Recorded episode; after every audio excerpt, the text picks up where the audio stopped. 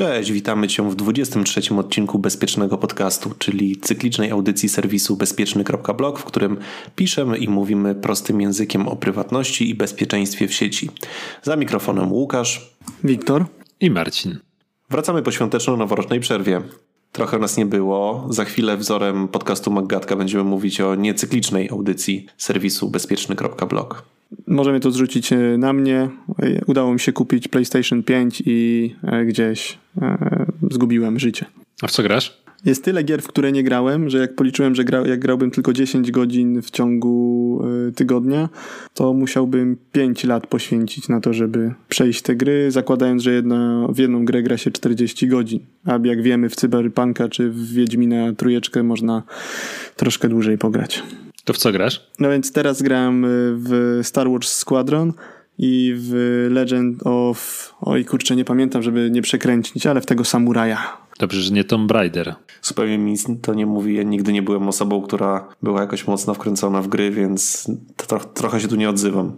Ghosts of Tsushima. Ghosts of Tsushima, a Tomb Raider, w Tomb Raidera też gram. Legend of Tomb Raider. Dziękuję. Sushi? Zanim przejdziemy do tematu audycji, chcielibyśmy podzielić się z Wami podsumowaniem zeszłego roku. W 2020 roku wypuściliśmy 17 odcinków bezpiecznego podcastu, z czego najpopularniejszymi odcinkami były Werble. Miejsce trzecie, odcinek numer 17 o bezpieczeństwie satelitów w kosmosie z gościnnym udziałem Michała Lipińskiego, którego serdecznie pozdrawiamy. Czekaj, po, e, ma, e, Łukasz, poproszę przynieść kuferek z tym, ze słodkościami. I zegarek Adriatiki. tak. Ten odcinek odsłuchało ponad 1200 osób. Drugie miejsce to odcinek 18 o tym, na co warto zwrócić uwagę, konfigurując router. Ponad 1300 odsłuchań. Pierwszy. Odcinek 19 o komunikatorach internetowych. Ten odcinek odsłuchano prawie 1600 razy. Zresztą temat jest ciągle na czasie, bo ze względu na zmiany regulaminu WhatsAppu pływają od niego użytkownicy na inne platformy i w związku z tym niestety zdarzały się takie momenty, że sygnał po prostu padał. Ale to chyba dlatego, że, że Elon Musk tam tweetował, że zainstalujcie. Tak, jeden tweet Elona Muska i chłopaki utrzymujący Signala mówili, że pracują 24 godziny na dobę, dodając kolejne serwery i cały czas są odrobinę za napływem użytkowników. Niesamowite zasięgi, nie? Dokładnie. Ja, ja widziałem, ktoś napisał na Twitterze, że y, Elon Musk mógłby otworzyć taki, taką zamkniętą społeczność premium płatną, grupę, y, gdzie będzie pisał, o czym jutro będzie tweetował, żeby inwestować w odpowiednie akcje na giełdzie. Ja jestem za. Jeśli będę w tej, y, oczywiście, jeśli będę w tej, w tej społeczności. Bardzo serdecznie dziękujemy wszystkim naszym słuchaczkom i słuchaczom za odsłuchanie i za wszystkie komentarze. Mimo poślizgu lekkiego w tym roku, będziemy się starać dorównać tej liczbie, żebyście mieli co, co słuchać. E, nie jest źle, nagrywamy w styczniu, więc e, myślę, że trzeba optymistycznie na to patrzeć. No tak, ale ja tego nie złożę w te trzy dni stycznia, które zostały.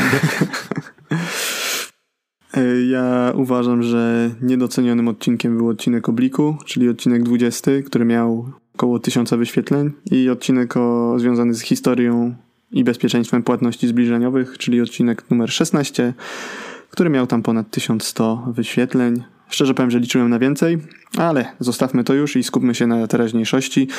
Łukaszu, jaki temat odcinka wylosowała nam dzisiaj maszyna losująca? Też będą werble?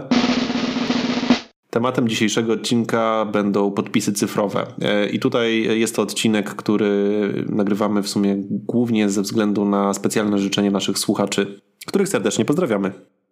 To może, żeby doprecyzować, to jest to temat, który został zaproponowany na, na Facebooku przez Ewę w ramach konkursu związanego z wymyśleniem tematu odcinka audycji Bezpieczny Podcast. Ewa wygrała książkę Królestwo Kłamstw która wydawana jest w Polsce przez wydawnictwo literackie. Gratulujemy. Drugą nagrodzoną osobą jest y, Marcin i zaproponowany przez niego temat. Mam nadzieję, że również niedługo usłyszymy. Pamiętasz, co to był za temat? Hakowanie samochodów. Hakowanie samochodów, okej. Okay. Drodzy słuchacze, jeżeli macie jakieś pomysły na, na inne tematy związane z cyberbezpieczeństwem, które e, Was interesują, dajcie nam koniecznie znać na kontakt małpobezpieczny.blog. Najlepsze tematy będą inspiracją do tego, żeby nagrać o nich kolejne odcinki. Wróćmy do tematu dzisiejszego odcinka. Podpisy cyfrowe to niewątpliwie świetny wynalazek. E, jest to coś, co pozwala nam na załatwienie wielu spraw na odległość i e, w dobie pandemii, którą mamy obecnie, powinna się sprawdzać znakomicie. E, jednak no, nieliczni z nas korzystają z podpisów cyfrowych. No i może zacznijmy od tego, dlaczego. Marcin Wiktor, posiadacie podpis cyfrowy? Tak, nie, nie wiem. Ja właśnie nie wiem to może głupio zabrzmi, ale yy, chyba musimy wejść tutaj w definicję, bo nie wiem, czy jak zadajesz to pytanie o podpisie cyfrowym, to chodzi ci o, dowol, o dowolny podpis cyfrowy, o podpis kwalifikowany, o ePUAP, o inny, więc y, myślę, że tutaj mm, powinniśmy zacząć od, y, od definicji. Może zacznijmy rozmawiać o tym, jakie mamy rodzaje podpisów i skąd je wziąć ale najpierw przedstawmy kilka definicji czy teorii, bez których w ogóle trudno jest rozmawiać o, o, podpisach cyfrowych. No tak, bo rzeczywiście podpisy cyfrowe to jest kawałek matematyki. Pod spodem, pod tym, pod, tą, pod tym pojęciem podpis cyfrowy kryją się y, pewne algorytmy. Y, może zacznijmy sobie od y, takiego podstawowego pojęcia jak kryptografia a właściwie kryptologia, yy, która jest dziedziną wiedzy o przekazywaniu informacji w sposób zabezpieczony przed niepowołanym dostępem.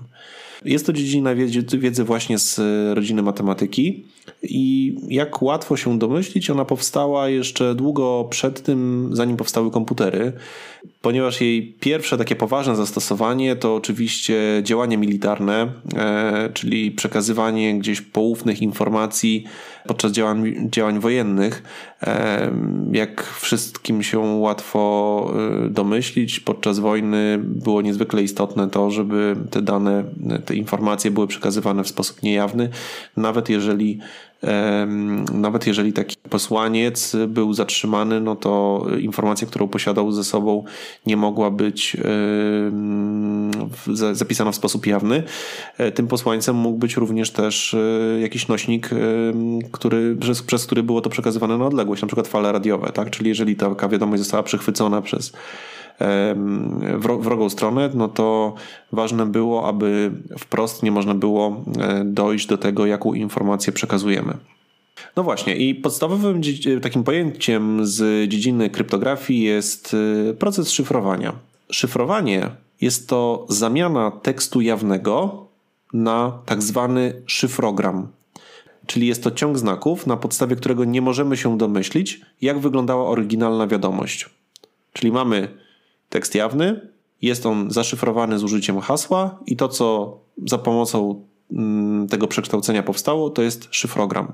Odwrotnym procesem jest oczywiście deszyfrowanie. I tu jedna ważna rzecz, żeby nie mylić haszowania z szyfrowaniem. To jest błąd, na który często można natrafić w mediach, a nawet czasem w dokumentacji przetargowej na systemy e, informatyczne. Będziemy generalnie potem mówić o tym, co to jest konkretnie haszowanie też, ale, ale to są dwa różne pojęcia. Są dwa podstawowe rodzaje kryptografii: symetryczna i asymetryczna. Symetryczna polega z grubsza na tym, że używamy tego samego klucza zarówno do szyfrowania, jak i deszyfrowania wiadomości. Poproszę o przykład. Takim przykładem najprostszym y, szyfrowania symetrycznego jest plik zip. E, zapewne wielu z Was y, spotkało się z sytuacją, w której musiało zabezpieczyć jakieś dane, które komuś przekazywało z różnych powodów. E, na komputerach, na przykład z Windowsem, jest najprostszym sposobem do tego wykorzystanie funkcji, którą mamy wbudowaną w ogóle w Windows, czyli e, pakowania pliku.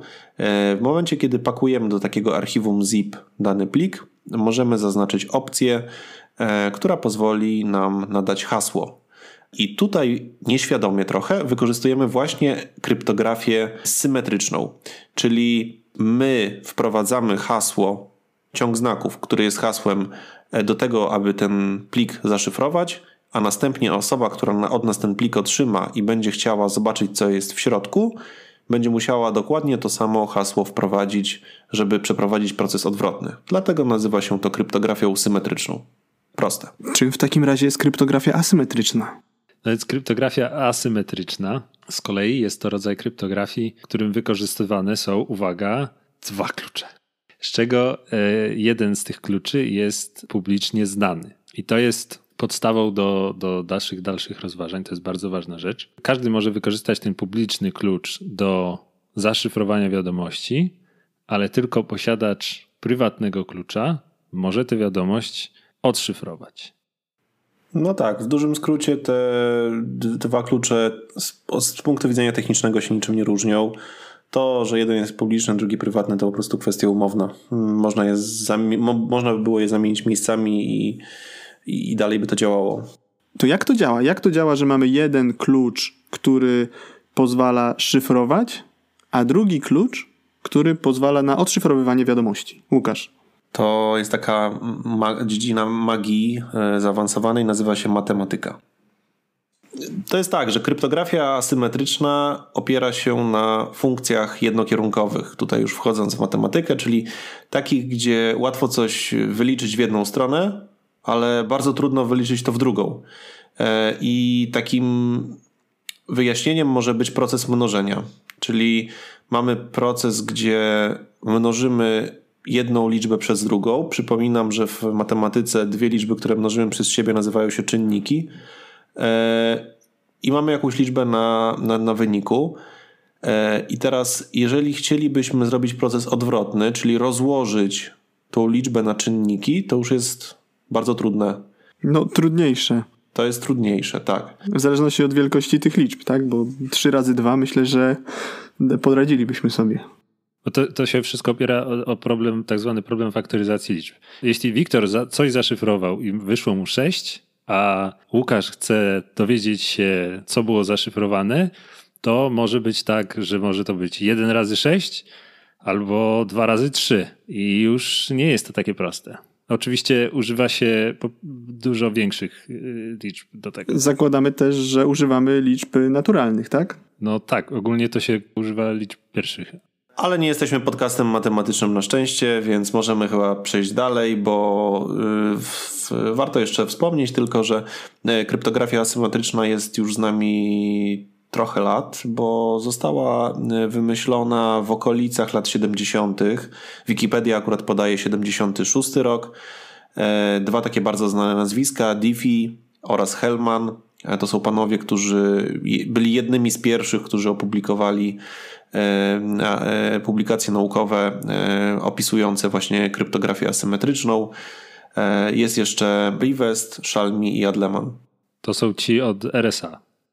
No dobra, y, i teraz, y, żeby nie było tak bardzo teoretycznie, to mm, drodzy słuchacze, y, kryptografia asymetryczna jest bardzo szeroko stosowana w obecnym internecie. Mm, korzystacie z niej codziennie, nie zdając sobie nawet z tego sprawy. Na przykład kryptografia asymetryczna chroni wasze konta bankowe przy dostępie przez internet. Na przykład to, że jest nawiązywane bezpieczne połączenie między waszą przeglądarką a serwerem bankowym, to tam też swój udział ma kryptografia asymetryczna i jeszcze przez dłuższy czas będzie miała zastosowanie na pewno w naszym codziennym życiu. Dowodem na to, że jest to po prostu dobrze zrobione, jest to, że niektórzy z naszych słuchaczy nie mają pojęcia o czym mówimy i wszystko im dalej działa i nikt im nie ukradł jeszcze pieniędzy albo tożsamości. Tutaj zaraz ktoś może powiedzieć, że o, komputery kwantowe i zaraz problemy, na których opiera się kryptografia, zostaną rozwiązane przy pomocy komputerów kwantowych, no ale są już takie algorytmy kryptograficzne, które nawet na te fantastyczne komputery kwantowe są odporne, czy są na ich działanie są odporne, w związku z tym spokojnie e, cały system bankowy się nie zapadnie. Słuchajcie, tutaj taka ciekawostka w ogóle, bo e, to, że mamy tą kłódeczkę, obok paska adresu w przeglądarce zawdzięczamy zarówno kryptografii symetrycznej i asymetrycznej, bo samo nawiązywanie bezpiecznego połączenia na początku korzysta z protokołów wykorzystujących kryptografię asymetryczną do tego, żeby ustalić jakiś wspólny sekret, a później jak przeglądarka dogada się z serwerem, jak mają, jakim sekretem mają szyfrować tą komunikację, to wykorzystywana jest kryptografia symetryczna do tego, żeby szyfrować tą komunikację. Tak, właśnie to jest ciekawe, że idą te kryptografie w parze, na przykład głównie dlatego, że kryptografia symetryczna jest dużo mniej zasobochłonna. W związku z tym po prostu działa to szybciej i sprawniej i na przykład jak słyszycie o atakach typu ransomware, czyli że komuś zaszyfrowało komputer, to te pliki, które są szyfrowane, często są szyfrowane algorytmem symetrycznym, ponieważ jest szybciej, a no jest to w pewnym sensie walka z czasem, żeby zaszyfrować wszystkie dane ofiary a potem ten klucz, przy pomocy którego dane są szyfrowane, te pliki na komputerze ofiary są szyfrowane, sam klucz jest szyfrowany przy pomocy kryptografii asymetrycznej, żeby ciężej było się do niego dostać. Czyli chcesz mi powiedzieć, że kryptografia może być wykorzystywana również do złych rzeczy? No tak jak wszystko. Nożem pokroisz chleb i zabijesz człowieka. Nie? No dobra, znowu odpłynęliśmy. Łukaszu, sprowadź nas na, na tory właściwe. Słuchajcie, powiedzieliśmy sobie trochę o, o wykorzystaniu tego w internecie. Rzeczywiście w protokole e, HTTPS jest jak najbardziej wykorzy- wykorzystywana jak i jedna, jak i druga e, kryptografia, ale mm, wracając jeszcze do kryptografii asymetrycznej, e, takim sztandarowym przykładem jest wykorzystanie tego do szyfrowania poczty. I z, w przypadku szyfrowania poczty mogliście się spotkać z takim takimi pojęciami jak GPG lub PGP. W zasadzie można w dużym uproszczeniu powiedzieć, że jest to, samo, jest to to samo. Jest to metoda na właśnie szyfrowanie komunikacji pomiędzy dwoma odbiorcami poczty. E, w dużym skrócie polega ona na tym, że instalując odpowiedni program na swoim komputerze, mogę wygenerować właśnie parę kluczy. Tak zwany klucz prywatny i klucz publiczny. Są to po prostu dwa pliki. Ten klucz prywatny służy do tego, abym mógł odszyfrowywać pocztę, która do mnie przychodzi. W związku z czym muszę, ją, e, muszę go trzymać na swoim komputerze i dbać o to, aby był bezpieczny. Klucz publiczny, jak sama nazwa wskazuje, mogę opublikować w internecie, dać go komukolwiek i powiedzieć tej osobie, że za pomocą tego klucza będzie w stanie zaszyfrować pocztę, tak że tylko ja będę mógł ją później przeczytać. PGP czy GPG działa właśnie w ten sposób, że e, jeżeli mm, dwie osoby komunikujące się za pomocą poczty e-mail posiadają zainstalowane na, na swoich komputerach odpowiednie oprogramowanie, to wymieniając się tymi kluczami publicznymi, yy, mogą się komunikować w sposób niejawny. Czyli ja, chcąc wysłać do Wiktora maila, który jest poufny, posiadając jego klucz publiczny, szyfruję za pomocą jego klucza publicznego wiadomość i wysyłam do niego. Wiktor za pomocą swojego klucza prywatnego odszyfrowuje tą wiadomość. Ta wiadomość może być odszyfrowana tylko i wyłącznie za pomocą jego klucza prywatnego. W związku z czym e, osiągamy tutaj efekt tego, że e, osoba postronna, nawet jeżeli przejmie tą wiadomość, nie będzie w stanie jej odczytać, dopóki nie posiądzie klucza prywatnego Wiktora. To tak w dużym skrócie. Spróbujmy zastanowić się w takim razie po tym wstępie, jak działają podpisy cyfrowe użyję znów analogii, że chciałbym podpisać dokument, który przekażę Wiktorowi. U, dla uproszczenia będzie to dokument w formie pliku cyfrowego. Czyli mam na swoim, na, na swoim pulpicie plik, który y, będzie podpisywany cyfrowo. E, w dużym uproszczeniu podpis cyfrowy ma zapewnić nam, że podpisałem go ja oraz plik się nie zmienił, odkąd go podpisałem. I to jest niezwykle istotne. Nie może być sytuacji takiej, w której ja składam podpis cyfrowy na pliku, a plik jest po drodze modyfikowany. Bo wtedy odbiorca otrzymałby coś innego niż ty podpisałeś. W związku z czym e, wykorzystywane e, do podpisów cyfrowych są e, dwa elementy. Pierwszym jest tak zwany hash, drugim nasza kryptografia asymetryczna, o której wspominaliśmy przed chwilą. Zacznijmy od hasza. Pisaliśmy o tym e, artykuł. Jeżeli e, nie pamiętacie albo nie czytaliście, to zapraszam do przeczytania. E, więc hash to jest pewien skrót, który jest wyliczany z danej wiadomości. Czyli jeżeli mamy pewne słowo, niech to będzie słoń, to jeżeli zastosujemy funkcję haszującą, tak zwaną funkcję skrótu mm, na tym ciągu znaków, to zawsze otrzymamy pewien ciąg znaków, który jest stały.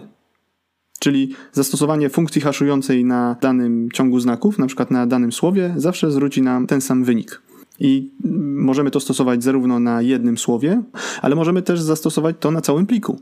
I teraz O ile plik może być duży, może to być strona, kilka stron, kilka kilobajtów, kilka megabajtów, to sam hash w zależności od funkcji skrótu, ma zawsze stałą długość, więc y, nie jest tak długi i tak y, zasobochłonny, czy... Nie zajmuje tyle miejsca. Tak, tak, nie zajmuje tyle miejsca. Y, bez różnicy, czy policzymy hash dla pojedynczego słowa, czy też policzymy hash dla całego pana Tadeusza, nawet jeżeli zmienimy jedną literę, to nasz hash dla tego tekstu pana Tadeusza się diametralnie zmieni. W związku z czym, licząc taki hash na pliku, który będziemy chcieli podpisać, pozwoli nam, aby określić, czy zawartość tego pliku się zmieniła. No ale przecież tego hasza mm, ta osoba też mogłaby zmodyfikować, powiecie, drodzy słuchacze. Tak, rzeczywiście tak mogłoby być, dlatego ten hash musimy połączyć z naszą kryptografią asymetryczną. Czyli w dużym skrócie podpisy cyfrowe działają w ten sposób. Wyliczam hash na wiadomości, którą chcę podpisać, i ten hash szyfruję za pomocą mojego prywatnego klucza, o którym mówiliśmy wcześniej, a osoba, która otrzyma dokument ode mnie, może go sobie odszyfrować za pomocą mojego e, klucza publicznego. Sprawdzić, jaki hash tam się znajduje i porównać go z plikiem, który e, otrzymała. I to jest właśnie podpis cyfrowy. Czyli jest to forma wykorzystania kryptografii do tego, aby zapewnić nam trzy rzeczy: autentyczność pochodzenia, niezaprzeczalność i integralność. To drodzy słuchacze, żeby tak przykleić to, co mówiliśmy do tego, co teraz powiedział Łukasz, czyli do tych trzech ważnych cech e, podpisu, czyli autentyczność, niezaprzeczalność wynika z tego, że ja użyłem swojego klucza prywatnego, tylko ja mam mój klucz prywatny. W związku z tym nie wyprę się, niezaprzeczalność, nie wyprę się tego, że ja tą wiadomość napisałem, a autentyczność, każdy może sprawdzić, że ja jestem, e, że, że, ten, że ta wiadomość jest autentyczna, no bo ma, każdy ma dostęp do klucza publicznego. A przy okazji integralność jest zapewniona przez to, że z tej wiadomości jest wyliczony hash, który ja też podpisałem swoim kluczem prywatnym i każdy może sobie tak samo hash policzyć i jak mu się zgadza, to znaczy, że integralność została zachowana i wiadomość nie została zmodyfikowana po drodze. I tutaj dochodzimy do sedna sprawy. Powiedzieliśmy o szyfrowaniu, wspomniał o tym Łukasz. W momencie, kiedy wysyłamy plik i chcielibyśmy, żeby mógł on być jedynie odszyfrowany przez osobę, która posiada klucz prywatny, to wykorzystujemy klucz publiczny do szyfrowania, który jest ogólnie dostępny. E, a jeżeli chcemy podpisać wiadomość, to wykorzystujemy nasz klucz prywatny do szyfrowania hasza i wysyłamy tą wiadomość w świat. I teraz ona może zostać e, przez każdą osobę, która korzysta, która posiada klucz publiczny. Może ta osoba sprawdzić, że e, zostało to podpisane przez osobę, która posiada klucz prywatny. No dobra, czy to może być jeszcze trudniejsze? Może. Teraz powiemy, czym jest infrastruktura klucza publicznego. To jest infrastruktura klucza publicznego. To są osoby, to są polityki, to są systemy, to są procedury, które pozwalają zapewnić to, co mówiliśmy, czyli autentyczność, niezaprzeczalność, integralność, poprzez świadczenie odpowiednich usług. Ja sobie mogę wygenerować u siebie na komputerze taki, taką parę kluczy, mogę sobie zaszyfrować wiadomość i do kogoś wysłać, no ale ten ktoś nie ma mojego klucza publicznego. A jak ja mu prześlę tego klucz publiczny, no to tak przydałaby się, że tak powiem, zaufana trzecia strona. Pozdrawiam Adama. I właśnie do tego między innymi jest infrastruktura klucza publicznego, bo teraz mamy taką, taki urząd certyfikacyjny, czyli taką właśnie zaufaną trzecią stronę, która świadczy usługi takie, że ja mogę do niej pójść i poprosić, ej, słuchaj, ja bym, nazywam się Marcin Gromek, chciałbym taką parę kluczy, żeby sobie coś podpisywać. I wtedy oni dają mi klucz, znaczy inaczej, sprawdzają moją tożsamość, dają mi klucz prywatny i przy okazji mogą na przykład opublikować na swojej stronie mój klucz publiczny. W takim razie, jak ja wyślę wiadomość do Łukasza, zaszyfrowaną moim kluczem prywatnym, to Łukasz może ze strony tego urzędu pobrać mój klucz publiczny i wiedzieć, że po pierwsze, że ten klucz publiczny jest w parze z kluczem posiadanym przez Marcina Gromka, czyli weryfikowana jest moja tożsamość, a po drugie, no w ogóle ma ten klucz publiczny, więc może zweryfikować po, mój podpis e, na, na wiadomości, którą bym mu wysłał. Nie będziemy już tu wymieniać wszystkich tych usług, bo też nie chcemy tutaj za bardzo zanudzić, no ale generalnie chodzi o to, że musi być jakaś zaufana trzecia strona, której ufam i ja, i Łukasz, żebyśmy nie znając się, mogli nawiązać komunikację i potwierdzić y, taką szyfrowaną powiedzmy komunikację i potwierdzić przy okazji, że ja to ja, a Łukasz to Łukasz. I że Wiktor nie siedzi między nami i nie podmienia nam wiadomości i, i nie zmienia treści naszych rozmów. I do tego jest PKI. Jeszcze jedna ważna rzecz, że jeśli, oczywiście, jeśli jest taka zaufana trzecia strona, taki urząd certyfikacyjny, to ten urząd nie, nie, nie żyje z powietrza, tylko trzeba mu za to płacić. W związku z tym wygenerowanie takich kluczy certyfikatu, zweryfikowanie tożsamości może coś kosztować. Więc jest też alternatywa dla tego w postaci nieformalnego, nieformalnej sieci zaufania, czyli spotykamy się w kilka osób. Face to face. Co? Twarzą w twarz. Tak, twarzą w twarz osobiście, czyli nie teraz. Key signing party. Jak się robi key signing party w e, trakcie pandemii? Na Zoomie chyba. W, w tych hazmat suitach. Trzeba się spotkać osobiście z dowodem tożsamości, e, żeby zweryfikować tożsamość innej osoby i to robi się tak na poziomie trochę niżej właśnie niż, niż ta zaufana trzecia strona. Czyli ja weryfikuję tożsamość Wiktora i swoim kluczem podpisuję jego klucz. Potem Wiktor spotyka się z y, Łukaszem, podpisują sobie nawzajem klucze i teraz jak ja się będę komunikował z Łukaszem, to przez to, że mój klucz jest podpisany kluczem Wiktora, a klucz Łukasza też jest podpisanym kluczem Wiktora, to Wiktor jest takim łącznikiem, który zweryfikował moją tożsamość i Łukasza tożsamość, w związku z tym ja ufam Łukaszowi, a Łukasz ufa mi. Jeśli ktoś dotarł do tego momentu, to gratulujemy wytrwałości. Nie, no i tak słucham tego, słucham i mówię, to nie jest proste. W sensie, no jak to może być popularne, jeżeli to nie jest proste, tak? I nie jest y, łatwe do zrozumienia. Oprócz tego, że my moglibyśmy y, y, też przekazywać to w bardziej zrozumiały sposób, ale y, naprawdę się staramy.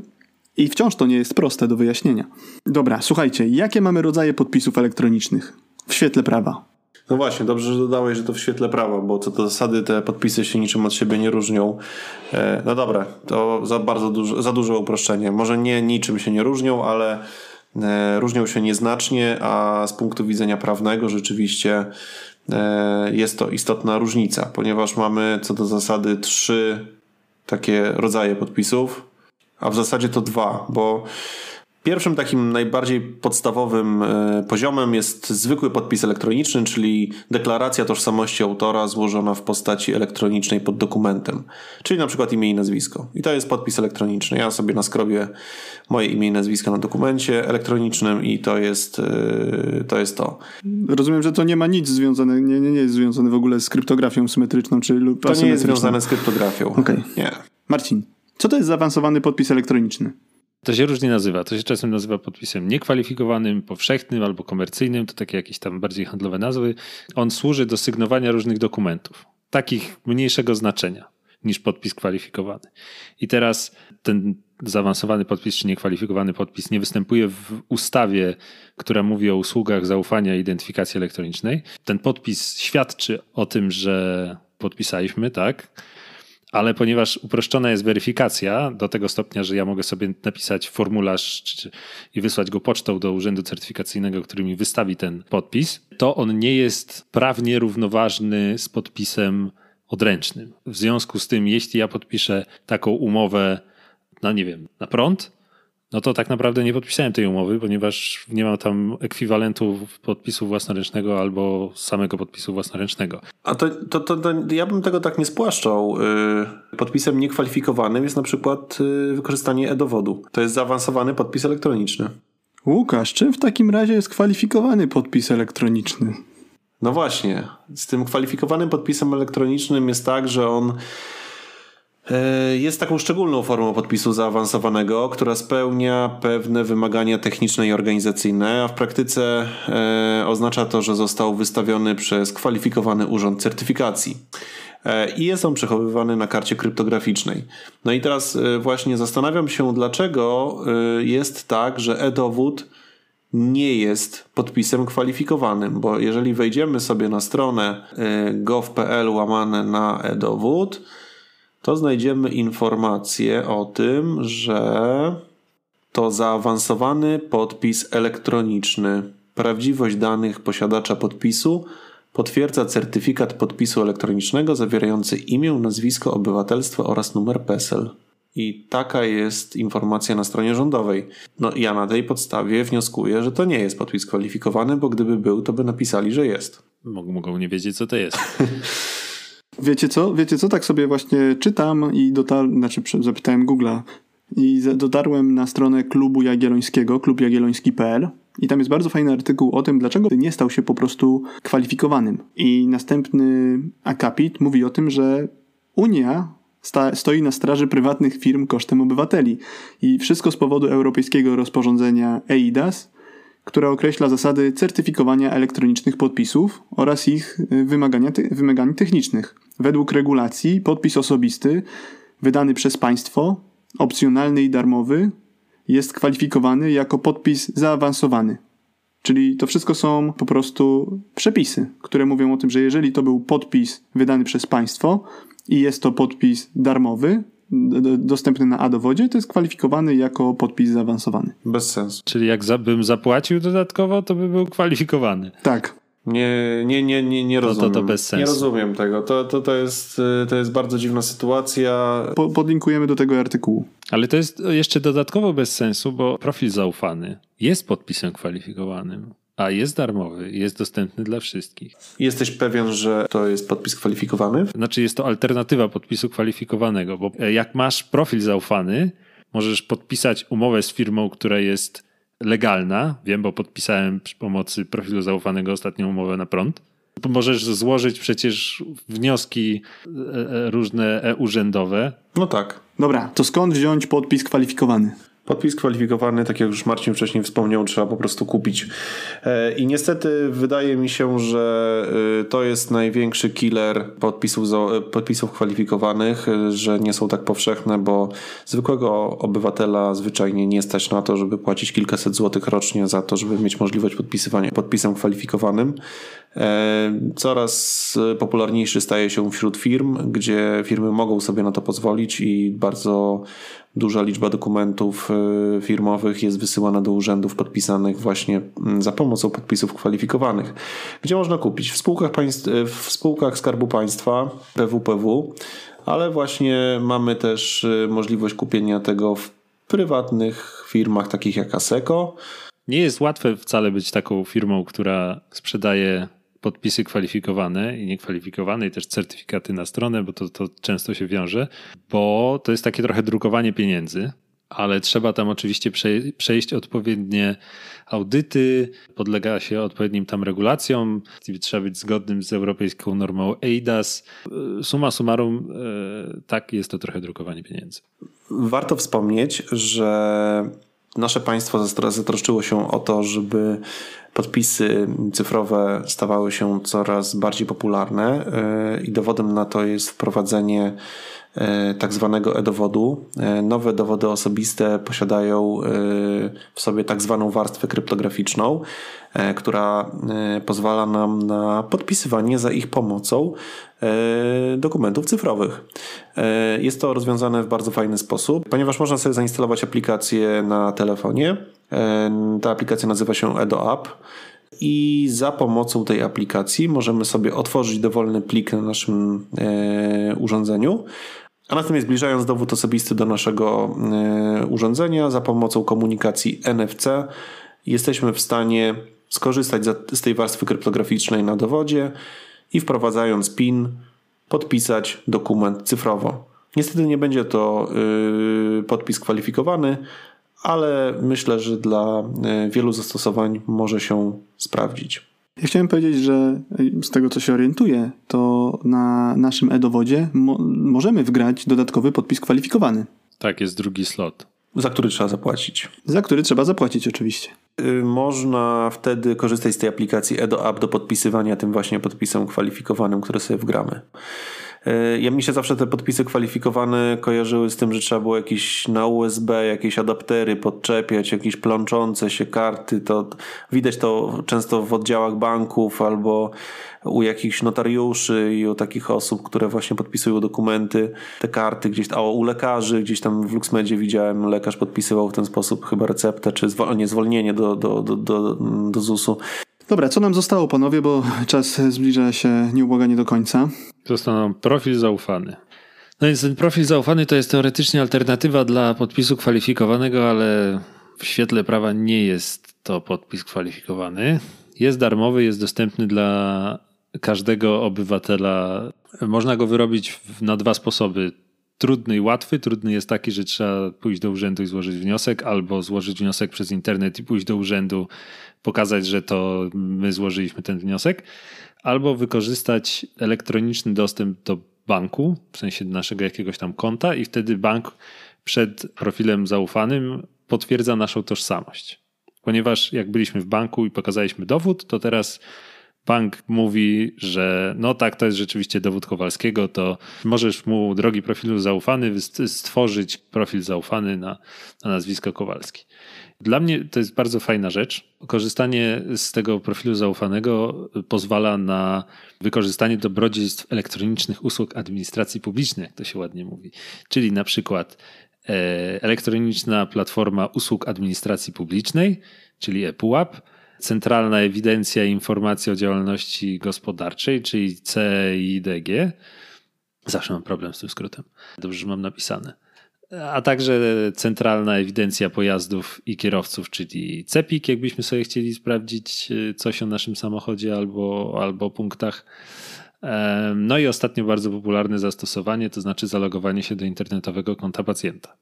Powiedzieliśmy o kilku podpisach e, cyfrowych, trochę zamąciliśmy, trochę też sami się dokształciliśmy w międzyczasie.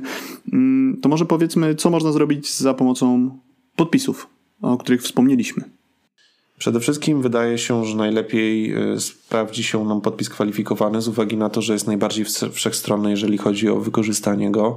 E, I tutaj zgodnie z tym, co deklaruje PWPW na swojej stronie internetowej, Możemy e, za pomocą tego typu podpisów e, składać deklaracje w systemie płatnik, korzystać z PUE ZUS-u, korzystać e, z możliwości składania deklaracji podatkowych drogą elektroniczną do Urzędu Skarbowego. Możemy składać sprawozdania finansowe do KRS-u możemy przekazywać organom podatkowym dane w postaci jednolitego pliku kontrolnego, czyli coś dla przedsiębiorców, przesyłać do GIF-u podpisane e, tym certyfikatem informacje o transakcjach finansowych, przesyłać e, jednolite europejskie dokumenty zamówienia, uwierzytelnić się na platformie CIDG, czy też e, po prostu zawierać umowy cywilnoprawne w formie elektronicznej. Więc dość, e, dość szeroki e, wachlarz, jeżeli chodzi o podpisy kwalifikowane. Ja ostatnio też się zorientowałem, że tłumacze przysięgli mogą podpisywać tłumaczenia przysięgłe za pomocą podpisu kwalifikowanego w czasach pandemii jest to, no to bardzo to upraszcza życie, tak, że E, i przyspiesza cały proces, no bo nie trzeba e, dawać pieczątki, nie trzeba wkładać tego tłumaczenia wydrukowanego w kopertę i wysyłać, tylko można to tłumaczenie podpisać podpisem kwalifikowanym na komputerze i wysłać mm, wiadomości, tak? I praktycznie tego samego dnia, tak, w tej samej minucie ląduje to na skrzynce osoby, która to zamówiła. Są pewnie inne jeszcze zastosowania podpisu kwalifikowanego, o których nie wiem. Może kancelarie też mogą to wykorzystywać. To pytanie teraz, czy warto? Jak gdzieś tam wcześniej mówiłem o tym, że, że to jest y, mega drogie, a w międzyczasie, jak sobie tak rozmawiamy, to wszedłem sobie na stronę PWPW żeby zweryfikować e, koszt takiego rozwiązania. I co się okazuje? Okazuje się, że jeżeli mamy już ten dowód osobisty e, z warstwą kryptograficzną, czyli tak zwany nowy dowód osobisty, to jesteśmy w stanie tam wgrać dodatkowo podpis kwalifikowany. I teraz, jeżeli wybierzemy sobie mm, zakup takiego samego certyfikatu bez tych wszystkich urządzeń z kabelkami, które trzeba podłączać, bo przecież ich nie potrzebujemy, bo mamy nowy dowód osobisty, to się okazuje, że koszt takiego certyfikatu na rok to jest 174 zł brutto. Co ciekawe, jeżeli wybierzemy sobie opcję na dwa lata, to koszt zwiększa się tylko do 188 zł brutto, co na rok daje mniej więcej 90 kilka złotych, 94. Więc yy, okazuje się, że w ten sposób można mieć za 94 zł podpis kwalifikowany yy, na swoim dowodzie. Tak, warto jeszcze powiedzieć, że dowód yy, jest za darmo, nawet jeśli chodzi o dowód z warstwą elektroniczną, znaczy z warstwą kryptograficzną. I podobno można sobie wymienić ten dowód na życzenie. Znaczy, jak się generalnie wymienia na życzenie, to zazwyczaj jest płatne, ale podobno można wymienić na życzenie. Jak się powie, że po to, żeby mieć właśnie tą warstwę kryptograficzną, to też nie trzeba płacić. Tak, potwierdzam. Ja właśnie tak ostatnio zrobiłem. Mega fajny formularz. W ogóle tutaj e, należą się brawa dla osób, które pracowały przy, przy tej platformie, bo ja z poziomu swojego smartfona e, złożyłem w pełni wniosek o dowód osobisty, łącznie z dodaniem zdjęcia, wybraniem właśnie powodu, o którym mówił Marcin, czyli e, tego, że do tej pory nie miałem warstwy kryptograficznej. Kosztowało mnie to całe 0 zł. Zdjęcie zrobiłem iPhone'em w ogóle mega, mega proces. A długo czekałeś? To jest około tam trzech tygodni chyba, z tego co, co pamiętam. Czas oczekiwania. Ale warto, polecam. No jeżeli się nie ma tej warstwy kryptograficznej, to nawet dla samego poznania tego warto sobie wymienić. A zastrzegłeś stary dowód? Jak odbierasz nowy dowód, to musisz oddać stary i tam pani już się zajmuje tymi formalnościami. Co prawda dowód, który jest przeterminowany nie możesz potwierdzić nim swojej tożsamości przed organami władzy, ale możesz na niego wziąć kredyt. No tak. To chyba by było na tyle. Dziękuję bardzo wszystkim słuchaczom, którzy dotrwali do tego momentu, bo chyba. Ja podejrzewam, że tutaj możemy mówić co chcemy, bo już tutaj pewnie nikt nie słucha w tym momencie. Pozdrawiamy tego jednego, co tam. Chciałem pozdrowić jednego słuchacza, który dotrwał tutaj. Nasze żony i partnerki, bo one dotrwały akurat. E, chyba, że ktoś zasnął słuchając, to też może e, do tego momentu dotrwać. Dobra, dziękujemy bardzo. Trzymajcie się. Do następnego odcinka. Cześć. Cześć. Cześć.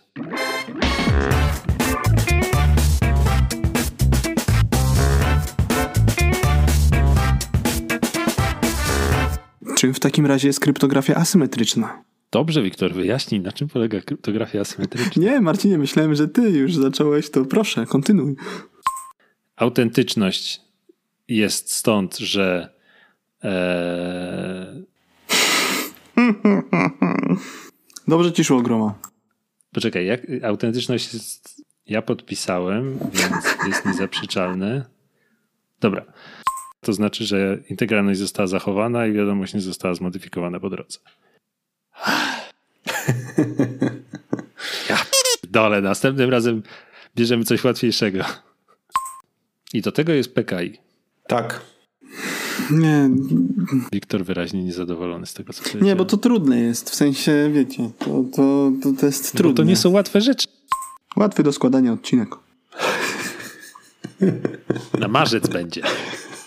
Ale powiem wam, że kusi mnie ten 188 zł brutto na dwa lata, tylko tak zastanawiam się, co ja bym tym podpisywał. Co ja będę ten... No właśnie. Ale ty, wiesz co? Konspekty ja... do podcastów. To by było dobre. Ten konspekt czy podcast jest podpisany podpisem kwalifikowanym. Aaaa! Dobra. A ty masz to nagrane? Mam. Dobrze. Ja to wszystko ja nagrywam. Ja z wami nie rozmawiam bez nagrywania, bo to nigdy nie wiadomo, co z tego wyjdzie. Bo ja już wyłączyłem nagrywanie. Ja też. No, a Zoom cały czas nagrywa. Zoom wie wszystko. Dzięki wielkie. No, Zobaczymy, dzięki. czy coś z tego wyszło, czy trzeba będzie to jeszcze raz nagrać. Dasz radę to gromo na jutro złożyć? Pewnie. Siądę i o, jutro o 10, jak będę siedział bez przerwy, to będzie gotowe. Dobra, spoko. To do usłyszenia.